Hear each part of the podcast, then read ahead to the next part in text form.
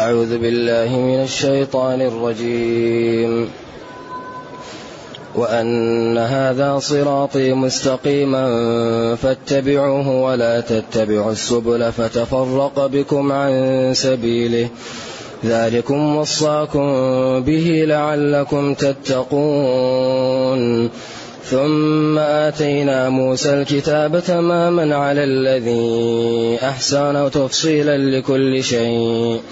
ثم آتينا موسى الكتاب تماما على الذي أحسن وتفصيلا لكل شيء وهدى ورحمة وهدى ورحمة لعلهم بلقاء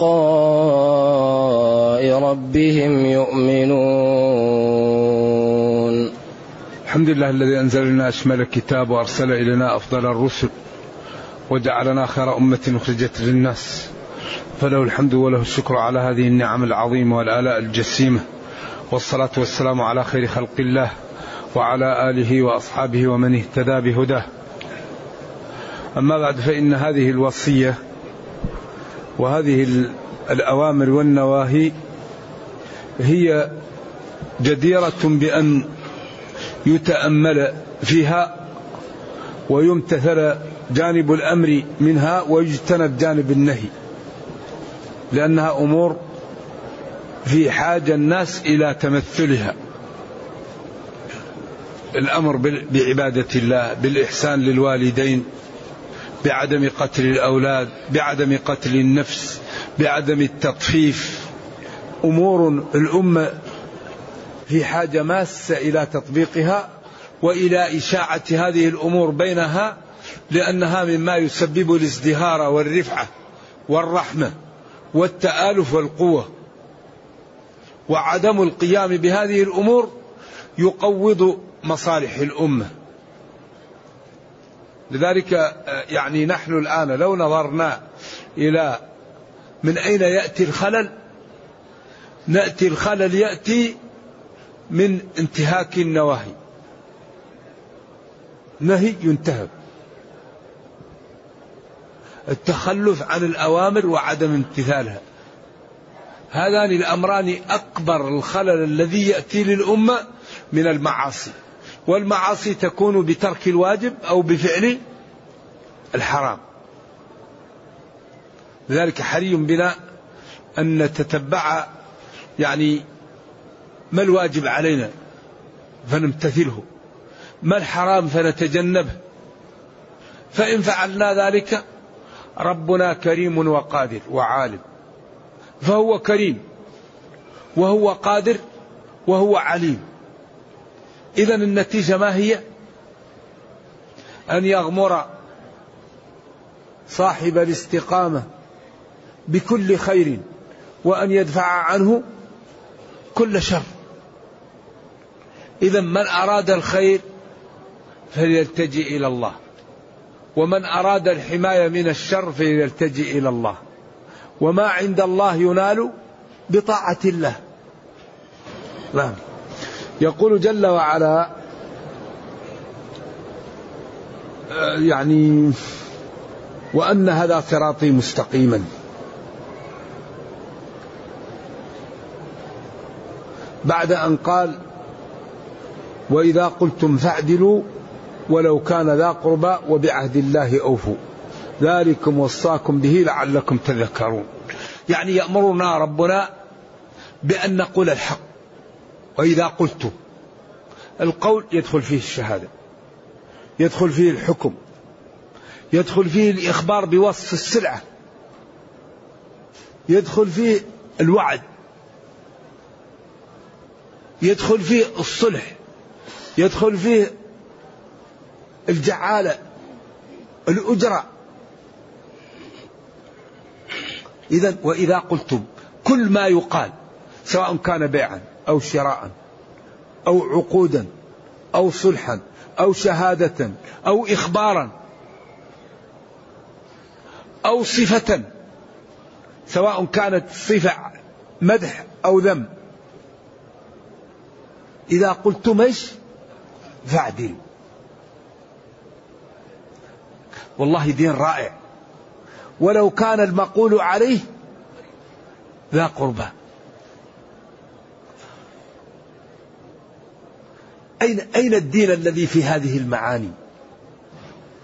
أين يعني النظام الذي يدعو لهذا السمو وهذا الرفق وهذا الحسن وهذا الجمال؟ إذا حري بنا أن نعتز بديننا حري بنا أن ننضوي تحت ديننا حري بنا أن نبذل لديننا. دين يقول لك وإذا قلتم فاعدلوا. وإذا قلتم فاعدلوا. أي قول تقوله؟ شهادة حكم قضاء بيع شراء وصف سلعة سواء ناجزة أو في ذمة عقد بينك وبين غيرك. إذا قلت فاعدل. ولذلك قال أحد آه، الصحابة الذين تخلفوا عن تبوك كعب بن مالك قال ما ابتلي أحد بالصدق مثلي. قال حتى ظننت أني أرجع أكذب نفسي فقيل معه مرار بن الربيع وهلال. أيوة. فقال هذان رجلان صالحان. قال ابتليت فلذلك لا أقول إلا حق سواء قائلا أو آثرا لا أتكلم إلا بالحق لأني ابتليت عليه حتى أخبر الله قال حتى إذا ضاقت عليهم الأرض بما رحبت وضاقت عليهم أنفسهم وظنوا أن لا ملجأ من الله إلا إليه ثم تاب عليهم ليتوب قالوا من أكبر المصائب أن صاحب دومة الجندل أرسل لي كتاب سمعت أن صاحبك قالاك فإن كنت فأتي إلينا نعزك. قال أخذت الرسالة ورميتها في التنور. فدائما العدل أحيانا والصدق يبتلى الإنسان به. لكن الإنسان يقول الحق. أيوه. وإذا قلتم فاعدلوا. قال له اكتب منك في حالة الغضب أو الرضا. قال له اكتب أو لا تكتب. والله لا يخرج من في إلا حقا. والله يقول لقد كان لكم في رسول الله أسوة حسنة. إذا نتعود على الصدق. في البيع في الشراء في المواعيد في وصف السلع في الإخبار في الشهادة في الحكم. تعود على على الصدق. ولذلك ربنا ينهانا عن الكذب يقول ولا تقفوا. ما ليس لك بعلم. إن السمع والبصر والفؤاد كل لا كان له مسلم يعني دين دين رائع الإسلام. الإسلام دين عجيب الحقيقة. لذلك حري بنا أن نعطيه الوقت أن نتمثله أن نفهمه أن نعمل به أن ندعو الناس إليه أن نتجمل بالإسلام. تجد بعض الناس يشتغل في شركة يقول لك أنا أشتغل في شركة كذا. لأن الشركة هذه إيش؟ تحمي أصحابها وتعطيهم رواتب جزيلة وتجعلهم يحترموا. طيب أنا أشتغل عند الله أنا عبد لمن؟ لله دخلت في دين من؟ دين الله. طيب كيف ما نتجمل به؟ وبعض المخلوقين يرتفع يقول لك أنا أشتغل في شركة كذا أنا في إدارة كذا. أنت عبد الله يا أخي. إذا تعتز وتجمل وتنضوي وتلتجئ إلى الله فالله يحميك ويعطيك ما تريد. إذا ولو كان القائل ذا قربى وبعهد الله أوفوا. ولو كان ذا قربى وبعهد الله أوفوا. ذلكم وصاكم به ولو كان ذا قربى وبعهد الله أوفوا ذلكم وصاكم به لعلكم تذكرون. ولو كان المقول عليه ابنة. عمه أخاك أباك صديق ولو كان من أقرب الناس إليك وبعهد الله أوفوا. عهد الله هذا مختصر كل الشريعة. ويدخل فيه دخول أولي ما بينك وبين شخص على عقد على دين على صلاة على إيمان عهد الله أوفوا ذلكم وصاكم به لعلكم تذكرون. لعلكم تتأملون أن هذه التشريعات لا يمكن تكون إلا من الله لجمالها وحسنها وكمالها وجلالها. لا يمكن يأمر بهذا إلا الخالق لحسنه وجماله. أما البشر فعاجزون والنظم التي يضعوها لا تحل شيئا فهي قاصرة عن أن تحل أو أن تدرك مصالح الناس. أما الرب هو الذي خلق البشر فنظامه هو الذي يصلح البشر. لذلك كل سنة بعد سنة يظهر للناس جمال هذا الدين وأن ما يدعو إليه هو الذي فيه الإنقاذ وهو الذي فيه الإصلاح وهو الذي فيه العدالة. ثم قال جل وعلا وأن هذا صراطي مستقيما فاتبعوه ولا تتبعوا السبل فتفرق بكم عن سبيله. وأن هذا الذي كنت أتلو عليكم صراطي طريقي مستقيم لا اعوجاج فيه. فاتبعوه اسلكوه. ولا تتبعوا السبل بنيات الطريق. خط خطا وخط خطوطا. وقال هذا الطريق. العروة الوثقى. يعني طرفها في يدك وطرفها في الجنة. أما الذي يأخذ بنيات الطريق كما قال تعالى إيش؟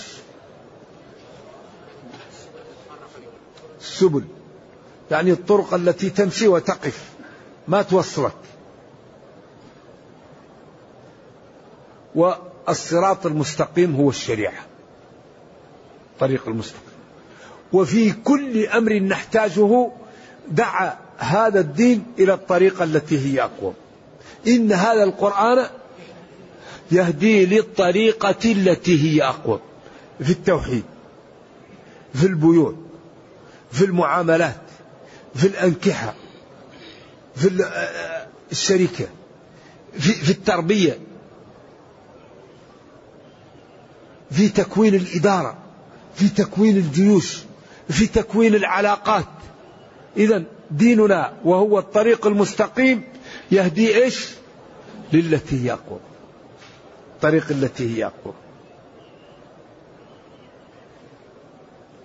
إذا وأن هذا صراطي مستقيما. لا اعوجاج فيه. فاتبعوه اسلكوه. ولا تتبعوا بنيات الطريق فتفرق بكم عن سبيله. كما قال تعالى في حق آه الذي لا يتبع طريق المؤمنين. كمثل الذي ينعق بما لا يسمع إلا دعاء ونداء. هذا الذي ينعق هو الذي يدعوك. وبعدين تسمع ويدعوك حتى يجعلك في فلاح فتهلك. وهذا الطريق يمشي بك عن الجادة حتى يبعدك عن الطريق فتهلك. خط خطوطا وقال هذه الطرق وهذا كما أنه خط خطا وجعل الأجل خارج منه وأن آه، يعني أفكار الإنسان وطمعه يعني حائط به ينفذ ولكن القدر سيأتي كما قال حبائله مبثوثة في سبيله ويفنى إذا ما أخطأته الحبائل.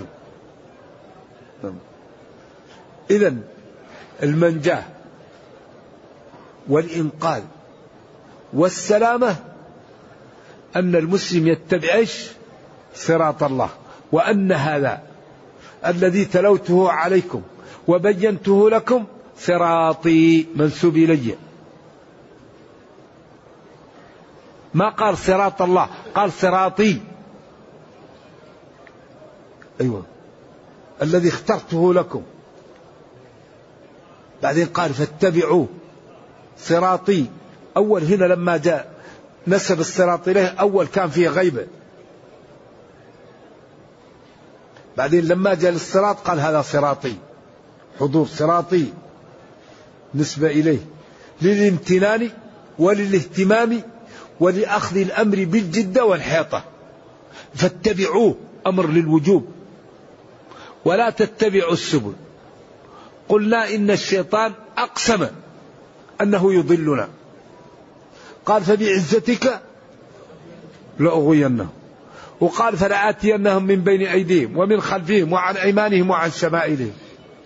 وكل واحد منا يأتيه الشيطان من الجانب الضعيف. لأن كل إنسان عنده جوانب قوية وعنده جوانب ضعف. فيه منا من يحب المال. فيه منا من يحب السمعة. فيه منا من يحب الشهوة. فيه منا من يحب النوم. كل واحد منا له جوانب يضعف فيها. فالشيطان دائما يأتي للإنسان من الجانب إيش؟ الضعيف.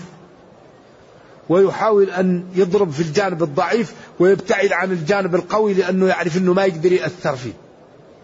فالذي غير متعلم يقول له الدين ما هو صحيح أصلا. الدين هذا فيون الشعوب. الأقوياء يتسلطون على الضعاف به. هل رأيت أحدا مات وحي إذا ما في دين. فيضلل ضعاف العقول الذين لا علم عندهم.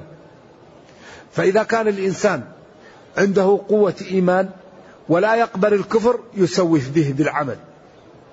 يقول لما أنت تعمل الآن مشاريع للحفظ وللعلم ولإفادة الناس؟ أنت الآن شاب أصبر حتى تتطلع بك السن. أنت الآن مشغول حتى تنهي هذا المشروع اللي عندك. يسوف به. لعل يموت أو ينشغل عن إيش؟ عن الخير. لذلك ربنا يقول استبقوا الخيرات سابقوا إذا إذا فكرت في الخير عمله على طول. لأن تأتيك الأشغال وتأتيك الموانع. يبدأ يسوف بك فإذا يعني هتكت حجب التسويف ينظر. يقول ما شاء الله يأتيك بالسمعة يأتيك بالرياء يأتيك بالعجب. يقول ما شاء الله الناس معجبة بكلامك ما شاء الله ما شاء الله. الناس تفرح بكلامك يدخل الرياء. أو ما شاء الله أنت كل الحارة يذكروك بالصدقة وبالإعطاء. ما شاء الله أن تتغاضى عن الناس ولا تكافئ من الناس. يدخل الرياء في في فيوقعه في الهلكة يحبط عمله. إذا لم يقبل هذا يشغله بالمفضول عن الفاضل. إذا أراد أن يزور أخا في الله إذا أراد أن يلقي محاضرة إذا أراد أن يصلح ذات بين إذا أراد أن يصل رحم يزور مريض يقول له مالك ومال الناس أجلس في بيتك. أشرك واشر الآخرين. خليك في بيتك. لذلك إن الشيطان لكم عدو فاتخذوه عدوا. إنما يدعو حزبه أكبر مقوض للوصول هذا الشيطان. إذا ولا تتبعوا السبل. الطرق التي يدعو إليها الشيطان ويدعو إليها أتباع الشيطان ويدعو إليها المع... أصحاب المعوقات لا تتبعوها. فإنكم إن اتبعتموها أوقعتكم إيش؟ في الهلكة. و لكن كيد الشيطان ضعيف. من انضوى تحت شرع الله واستقام الشيطان يخاف منه كما قال تعالى إن عبادي ليس لك عليهم سلطان. إنما سلطانه على الذين يتولون. فالذي يستقيم ويعمل بشرع الله ويكثر من ذكر الله الشياطين يخافون منه. كما كان عمر. عمر إذا سلك طريق الشيطان يخرج ويسلك طريق آخر. لأن عمر كان إيش؟ كان بايعها لوجه الله. عمر من يوم ما دخل في الإسلام وهو خ... لوجه الله. قال نحن على حق؟ قالوا نعم. راحوا أذن. جاءت قريش وضربته وضربهم. حتى سمي فاروق.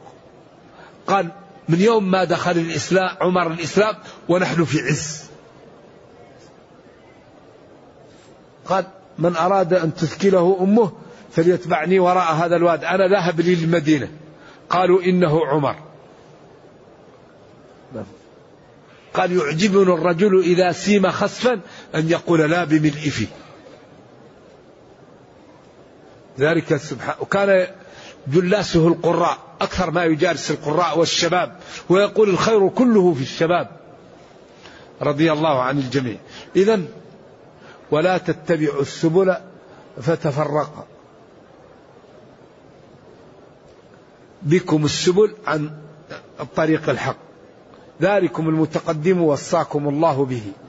لعلكم بالتفكر فيه أو بتذكره تعلمون صدق ما يدعو إليه وصحته ونفعه فتبادروا بالامتثال ثم قال جل وعلا ثم آتينا موسى الكتاب تماما على الذي أحسن وتفصيلا لكل شيء ثم هنا اختلف فيها المفسرون. بعضهم قال هذا ترتيب قصة على قصة وبعضهم قال ثم هنا بمعنى الواو وآتينا موسى الكتاب. تماما. أيوة. على الذي أحسن للعلماء فيها ثلاثة أقوال. هي على الذي أحسن المحسن من بني إسرائيل أو على الذي أحسن موسى بعمله بطاعة الله واستقامه أو على ما أكرم الله به الخلق. أحسن الله على خلقه بامتثاله مش شرعه. إذا على الذي أحسن المحسن أو موسى أو الله جل وعلا. ثلاثة أقوال. نعم. والذي رجح كثير من العلماء أنه موسى. ثم آتينا موسى الكتاب تماما على الذي أحسنه موسى وقام به. إذا وآتينا أو ثم ترتيب قصة على قصة لا يقصد به الزمن وإنما يقصد به يعني هذه قصة وهذه قصة للبعد بين الأمرين. آتينا أعطينا موسى بني إسرائيل الكتاب التوراة على الذي أحسن موسى وقام به وتفصيلا لكل شيء مما تعرض له أو أمر ببيانه. وهدى ورحمة لقوم يؤمنون. أي في حال كونه هاديا وفي حال كونه رحمة لهم لقوم يؤمنون بأن هذا الدين جاء من عند الله وأنه وهدى ورحمة لعلهم بلقاء ربهم يؤمنون. أعطيناهم هذا لعل هذا الذي أعطيناهم يكون يعني سببا في تصديقهم بيوم القيامة وما يكون فيه من الأهوال. وسبق أن وصفنا يوم القيامة وخطورته وما يكون فيه وأن هذه الأمور التي يخوف منها ويحذر منها وهذه الأمور التي يرغب فيها ونحن تحكى علينا في الدنيا لتكون سببا في نجاتنا. لأننا نحن الآن والحمد لله لا زلنا في دار الدنيا. هذه أكبر نعمة أننا في الدنيا. فلا فلا نغتر فإننا إذا لم نعمل نكون من حزب الشيطان. وإذا اهتممنا ولم نغتر وعملنا بشرع الله كلنا من حزب الرحمن. فنمتثل ونعتبر ونجتنب الحرام ونلتزم بالواجب ونعلم أن ربنا قادر وكريم وعالم. قادر. أمره إذا أراد شيئا أن يقول له كريم وقال ربكم ادعوني لا تخفى عليه خافية وما تسقط من ورقة. إذا ما الذي يريد العبد؟ ما الذي نريد؟ إذا فلنطع الله ولنعمل بشرع الله ولنعطي الوقت لفهم ما شرع لنا. لا بد أن نعلم الأحكام التي أوجب الله علينا. لأن المسلم لا يسامح في جهل فروض العين. المسلم لا يسامح في جهل فروض العين. فلذلك لا بد لنا أن نمتثل الأوامر ونجتنب النواهي وعند ذلك ما أردناه يعطيه ربنا لنا. لأن الله قال ومن يتق الله قال ابن إسحاق منفذا من كل ضيق. إن تتقوا الله يجعل لكم فرقانا ويكفر عنكم سيئاتكم ويغفر لكم ذنوبكم؟ وش؟ والله ذو الفضل. ذو الزيادة العظيمة. ونحن الآن في مستقبل شهر كريم. شهر كريم. شهر رمضان. شهر القرآن. الذي أنزل فيه القرآن. فينبغي أن نغتنم الفرصة. وأن نعرف ما الواجب علينا فيه. فنمتثل. وما الحرام فنتجنبه. ورمضان هذا في شيء اسمه الصوم. وفي شيء اسمه الصائم. وفي شيء اسمه مصوم فيه. وفي شيء مصوم عنه. لا بد أن نعرف ما الصوم. صفات في الصائم. صفات في الوقت. صفات في المصوم عنه. فالصائم هو المسلم البالغ أو المميز. الصوم يصح من المميز. أيوه. ولو لم يبلغ هذا الصائم. والمصوم فيه هو شهر رمضان. والصيام لا يكون إلا بعد ثبوت رمضان. يثبت بالرؤية أو بالشهادة. أو بإكمال عدة شعبان ثلاثين يوما. نراه أو الشهود أو شاهد عدل على الأقل أو إكمال ثلاثين يوما. الصيام عن الأكل والشرب والجماع. ويلحق بذلك قول الزور والعمل به والحرام وكل شيء. هذا من المفطرات المعنوية. الصوم من طلوع الفجر إلى غروب الشمس مدة شهر رمضان. لا بد أن تبيت النية. لا صيام لمن لم يبيت الصيام من الليل.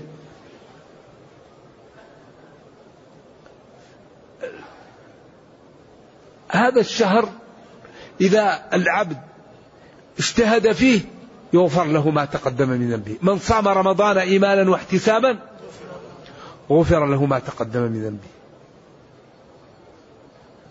صامه إيمانا بأمر الله واحتسابا للأجر على الله. وسن لنا قيامه التراويح. فمن يحفظ القرآن وينشط في البيت فصلاة التراويح في البيت أفضل.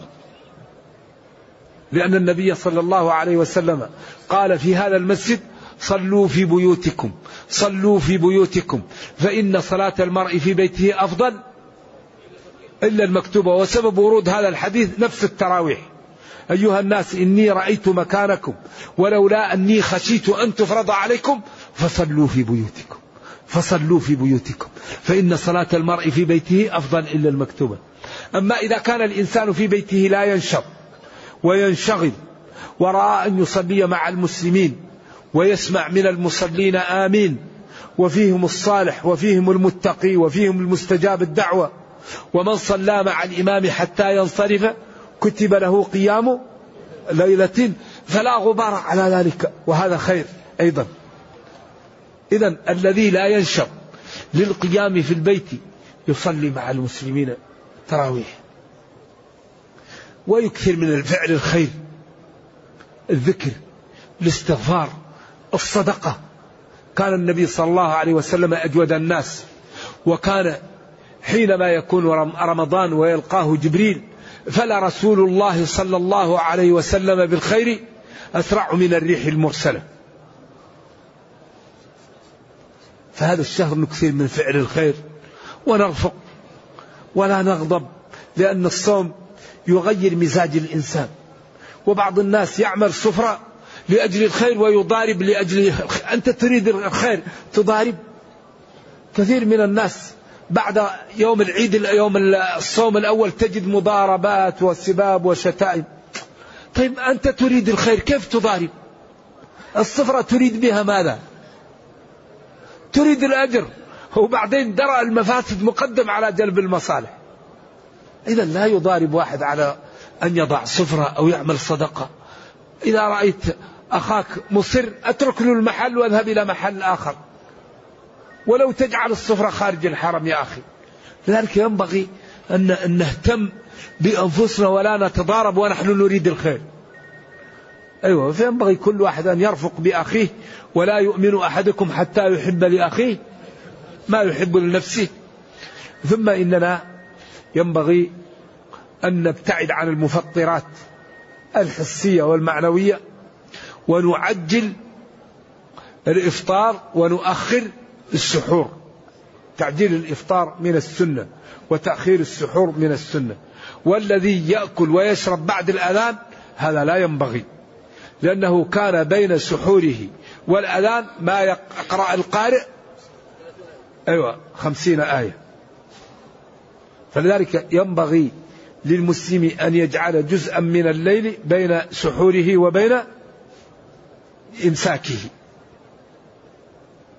أما إذا جاء الليل من ها هنا وأدبر النهار من ها هنا وغربت الشمس فقد أفطر الصائم. شوف دقة تعبير الشرع. وغربت الشمس.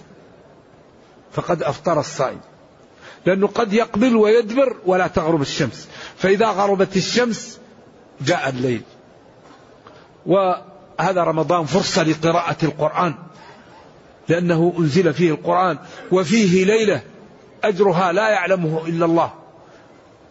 ألف شهر. ليلة القدر خير تتحرى في الأواتر في العشر الأواخر وفي كل رمضان. وأرجع ليلة إحدى وعشرون ثم سبع وعشرون. فالواحد يتعرض له ويسأل الله. العافية ويسأل الله التوفيق ويدعو لإخوانه الذين لا مال لهم ينفق عليهم ولا قوة يرد عنهم. يكثر من الدعاء. أن الله يعز الإسلام والمسلمين ويرفع من شأنهم ويوحد صفوفهم ويرحم موتاهم ويشفي مرضاهم ويفرج كروبهم. هذا الدعاء أمر عجيب ومن لم يهتم بأمر المسلمين وربنا كريم. ونتفاءل بالخير.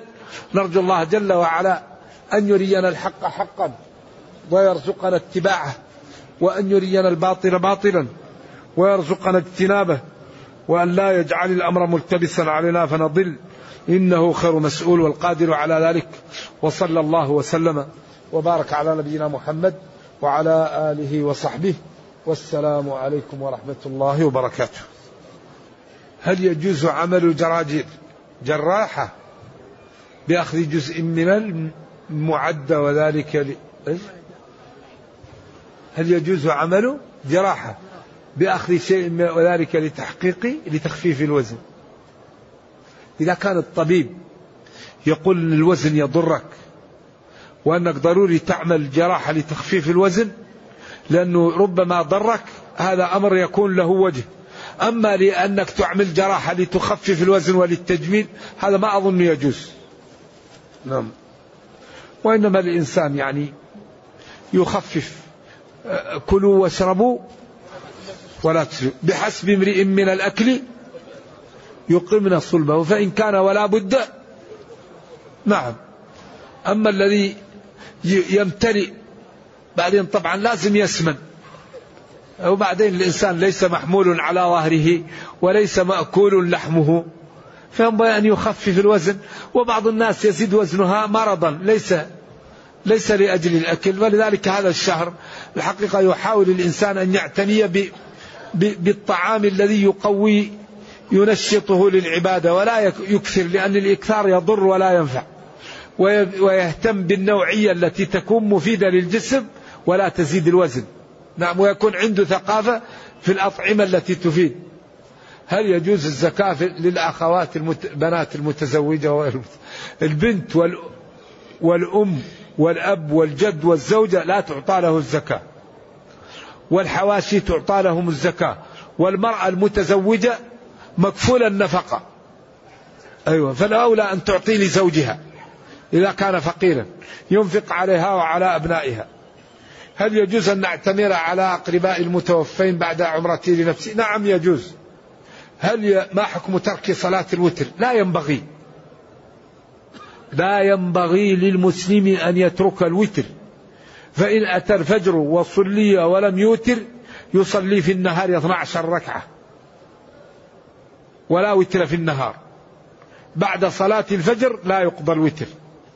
أما إذا أذن الأذان ولم تؤتر تؤتر. أما بعد أن تصلي الفجر انتهى وقت الوتر. تصلي نافلة في النهار. وهو الذي جعل الليل والنهار خلفة لمن أراد أن يذكر.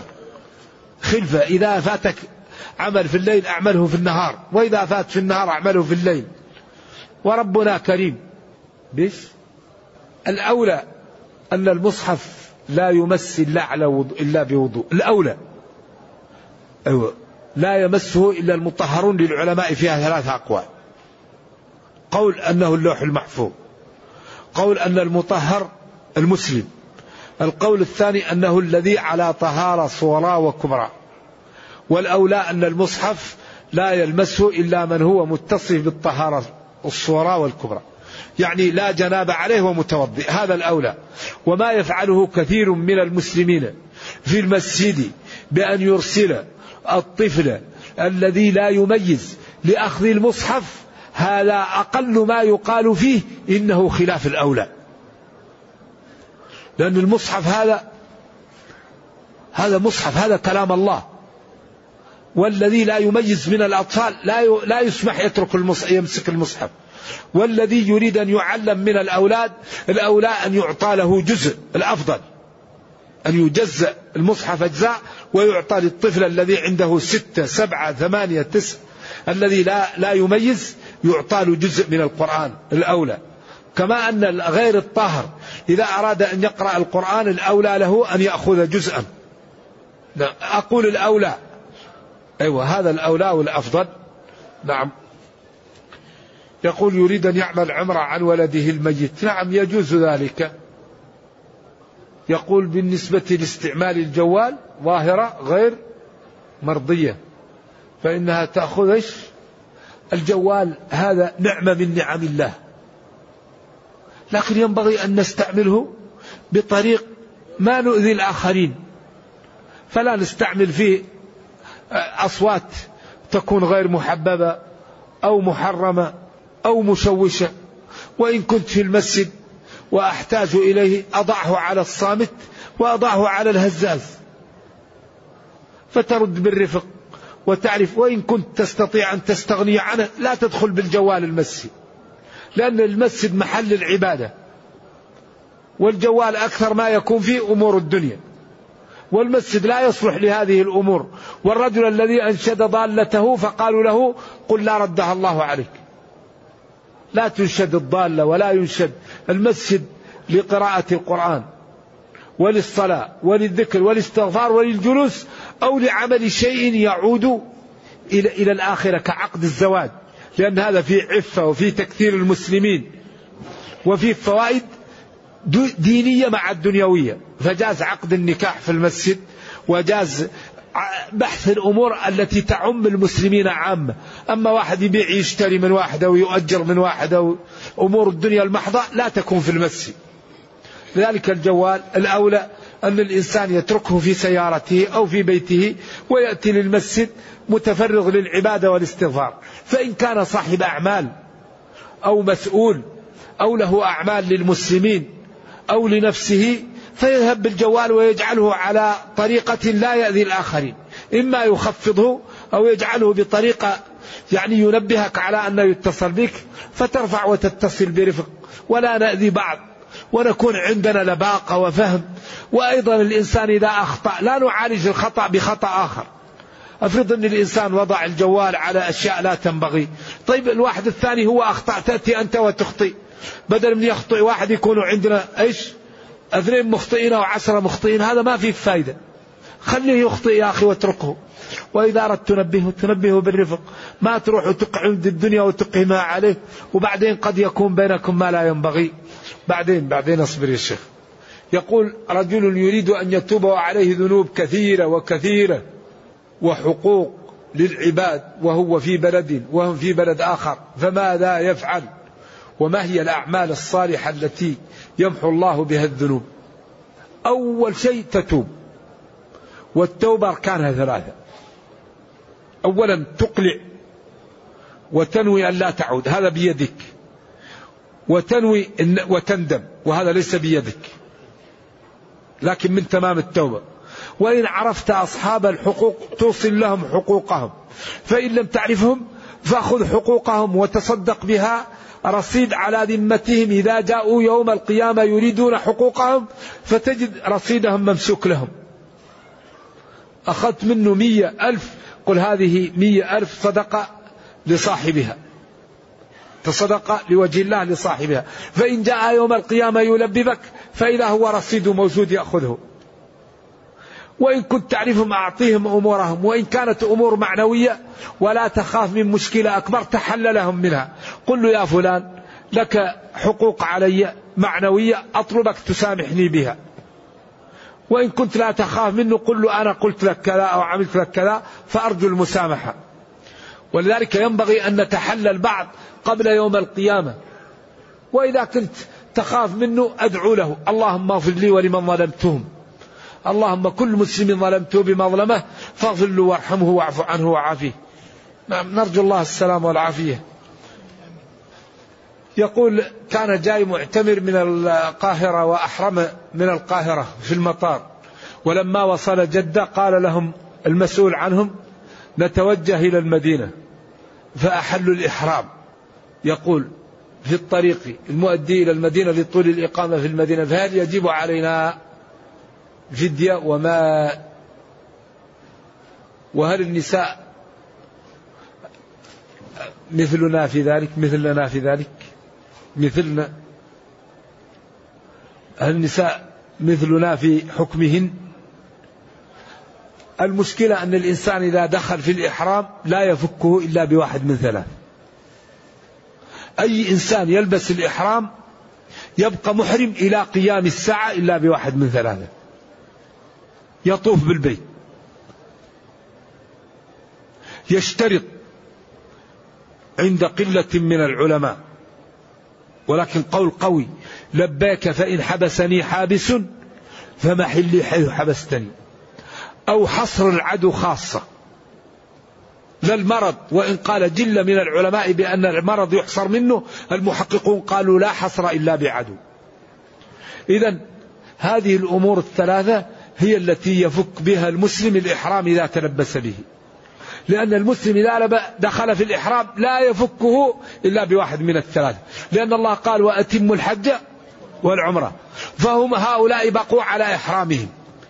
وإن فكوا الإحرام. إذا إن كانوا عملوا مفسد للإحرام يقضوا يعملوا هذه العمرة. الآن يلبسوا الإحرامات ويلبون. فإن كانوا عملوا عمرة يعني عملوا مفسد للإحرام يقضوا العمرة ويعتمروا عمرة جديدة. وإن لم يعملوا مفسدا فيقضوا العمرة ويذبحوا عن لبس الإحرام والتطيب والإشلاء. المهم أن المسلم إذا دخل في الإحرام ليس بيده أن ينزع الإحرام. ما هو مثل الصوم. اللي أنت أمير نفسك. من دخل في الإحرام لا بد من إتمامه. وأتم وش؟ إحرام أنت حججت مئة مرة تدخل في الحج واجب عليك الإتمام. دخلت في العمرة واجب عليك الإتمام. فإن اشترطت ما عليك شيء. تقول لبيك فإن حبسني حابس. خلاص إذا جاءك أي حابس تلبس ثيابك ولا شيء عليك. لا دم ولا شيء. تشترط. حديث ضباعة. قالت إني أريد الحج ووجعه قال اشترطي. فاشترطت وحجت وسلمت. فإذا طاف بالبيت تحلل. فإذا جاء عدو ومنعه من الوصول إلى مكة يتحلل. يذبح هدي ويتحلل. أما هو باختياره يلبس الإحرام ويدخل في الحج أو العمرة ويقول أنا وجدت زحام أنا تعبت يتحلل يبقى محرم إلى أن يموت. وهو محرم. ما ينزع الإحرام هو محرم. لأنه عمل شيء لا يجوز له وتحلل تحلل غير باقي وهو باقي عليه الإحرام. ولذلك ينبغي لكل واحد منا أراد أن يدخل في عبادة أن يتعلم حكمها. يصرف مال ويصرف وقت ويفارق الأحبة والأوطان ويذهب لعبادة ويذهب وهو جاهل. هذا خور. هذا خور. هذا عجز. ينبغي للمسلم إذا أراد أن يقوم بعبادة أن يعرف حكمها. الحج أركان أربعة واجبات سبعة محظورات سبعة له سنن وأنداب خمسة أيام. يعني ينبغي الإنسان لا قراءة الحج لا تتكلف منك أسبوع. تتقنه في ثلاثة أيام. أركان الحج أربعة عند الجمهور. واجبات سبعة محظورات سبعة. أو قريب من هذا. وبعدين أمور واضحة ينبغي للمسلم أن يتعلمها إما من كتاب أو يأتي لشيخ يقول له أنا أريد أن ندرس عليك الحج وأحكام العمرة ويأتي للعبادة على بصيرة من أمره ويأخذ الأجر كاملا. أما يذهب لا يعرف كثير من الناس لا يصل إلى عرفة. ويخرج من عرفة في النهار. كثير لا يطوف. ويدخل من إيش؟ من الحجر ويكون الطواف فاسد. لأن الله قال وليطوفوا بالبيت. فالذي يدخل من الحجر فسد طوافه. لأنه طاف بجزء من البيت. يعني آه يعني فينبغي لنا أن نهتم بديننا. كما نهتم بدنيانا. الواحد إذا أراد تجارة يسأل ويعمل ويعرف ما التجارة الطيبة وما هي أسباب الخسارة. طيب إذا أراد أيضا التجارة مع الله يعرف البضاعة هذه ما صفاتها وكيف تقبل عند الله هذه هذا العمل. أجبت أنه إذا كان عمل مفسدا للعمرة تجب عليه العمرة يكملها ويعتمر عمرة أخرى. وإذا لم يعمل مفسدا فهو الآن باقي على إحرامه يلبس الإحرامات ويعمل العمرة ويذبح شاة على الأقل. نعم. يقول نريد منك أن تعيد ما قلته بالأمس عن أضواء البيان وهل تفسير الشيخ هل هو مطبوع تفسيرا للقرآن كامل؟ أحسن الله إليك. هو لم يكمل وصل فيه إلى أولئك حزب الله لا إن حزب الله هم المفلحون. ووقف عند الحشر وكمله تلميذه فضيلة الشيخ عطية رحمة الله على الجميع في مجلدين أو ثلاث. وقلنا إن هذا التفسير في نقطتين. نقطة يبين القرآن بالقرآن. والآية التي ليست لها آية مبينة لها لا يأتي بها. أضواء البيان في إيضاح القرآن بالقرآن. إذا الآية التي ليست لها آية مبينة لها ليس من موضوع التفسير. النقطة الأخرى الآية المبينة باسم المفعول. إذا كانت تتعلق بالأحكام الفقهية التزم أن يأتي بأقوال العلماء وبأدلتهم ويناقشها ويرجح ما رجحه الدليل. أما الأبحاث اللغوية والبلاغية والأصولية والصرفية والتربوية والتوحيد والرد على أهل الكلام هذه تأتي عرضا في البحث. ما هي من صلب الكتاب وإنما صلب الكتاب آية لها آية مبينة لها تتعلق بالأحكام الشرعية يأتي بمذاهب العلماء وبأدلتهم ويرجح ما رجحه الدليل بعد مناقشتها. نعم. نعم. خلي خلي. يقول هل درس في رمضان في نفس الوقت كما نرجو منكم أو استمرار في التفسير حيث إن التفسير ربيع القلوب إذا كان لا نستطيع الاستمرار في شرح التفسير.